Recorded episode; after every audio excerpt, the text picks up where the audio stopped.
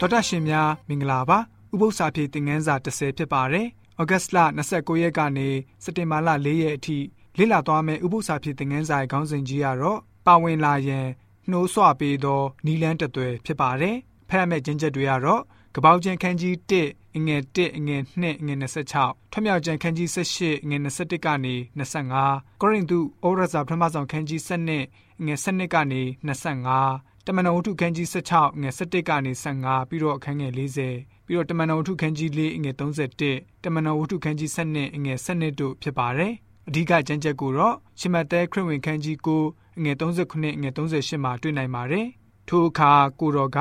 စပားရိပ်စရာများစွာရှိ၏ရိတ်သောသူတို့သည်နဲကြ၏ထို့ကြောင့်လှုပ်ဆောင်သောသူတို့ကိုစပားရိပ်စေခြင်းက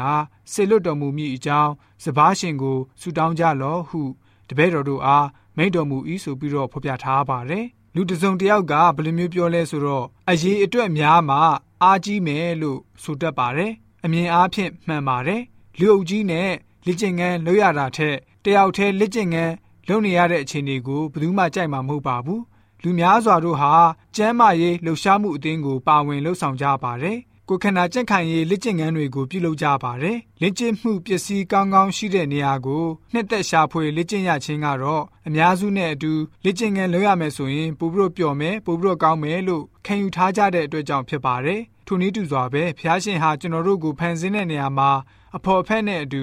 ဖန်ဆင်းပေးထားပါတယ်။လူဆိုတာကတရဝအချင်းချင်းမိခိုနေရတဲ့လူတွေဖြစ်ပါတယ်။လက်ကျင့်ငန်းပြုလုပ်ရင်းနဲ့အသက်တာမှာများစွာသောအကျိုးအမှန်ကိုရရှိမှာဖြစ်ပါတယ်။ ပေါင်းသင်းဆက်ဆံမှုအပြင်တဦးအပေါ်တဦးရိုင်းမရတဲ့စနစ်ကိုကျင့်သုံးထားရပါတယ်။ဝိညာဉ်ရေးရာကဏ္ဍအတွက်ပို့ပြီးတော့တင့်လျော်ပါတယ်။တမန်ကျမ်းစာမှာလူနည်းစုအဖွဲ့ကလေးကိုအသုံးပြုပြီးတော့ဖျားရှင်ကနေယုံကြည်ခြင်းကိုပို့ပြီးတော့အားအင်ဖြစ်စေခဲ့တာတွေ့ရပါတယ်။ဖျားရှင်နှုတ်ကပတ်တော်အဖြစ်အသိဉာဏ်တွေဟာပို့ပြီးတော့ဖွံ့ဖြိုးလာပါတယ်။ဆူတောင်းခြင်းအသက်တာကိုပို့ပြီးတော့နည်းနည်းစေပါတယ်။တသက်ခံနိုင်ဖို့ကိုလည်းပဲတွန်းအားပေးတာတွေ့ရပါတယ်။ခမဲတော် သားတော်တန်ရှင်သောဝိညာဉ်တော်ဖရာသုံးပါးပေါင်းပြီးတော့အဖွဲ့ငယ်ဖွဲ့ထားပါတယ်။မောရှိကိုယ်တိုင်ကလည်းပဲအဖွဲ့ငယ်ခေါင်းဆောင်ဖြစ်ခဲ့ပါတယ်။ယေရှုရှင်ဟာတပည့်တော်တွေကိုခေါ်တော်မူပြီးတော့အဖွဲ့ငယ်ကိုဖွဲ့စည်းခဲ့ပါတယ်။ရှင်ဘောလူအားဆိုရင်ယောမကိုခရီးထွက်ပြီးတော့ဧဝံဂေလိလှုပ်ဖို့ဆောင်ဘက်အနှဲငယ်နဲ့အဖွဲ့ငယ်ဖွဲ့ပြီးတော့အမှုတော်ဆောင်ခဲ့တာကိုလည်းပဲတွေ့ရပါတယ်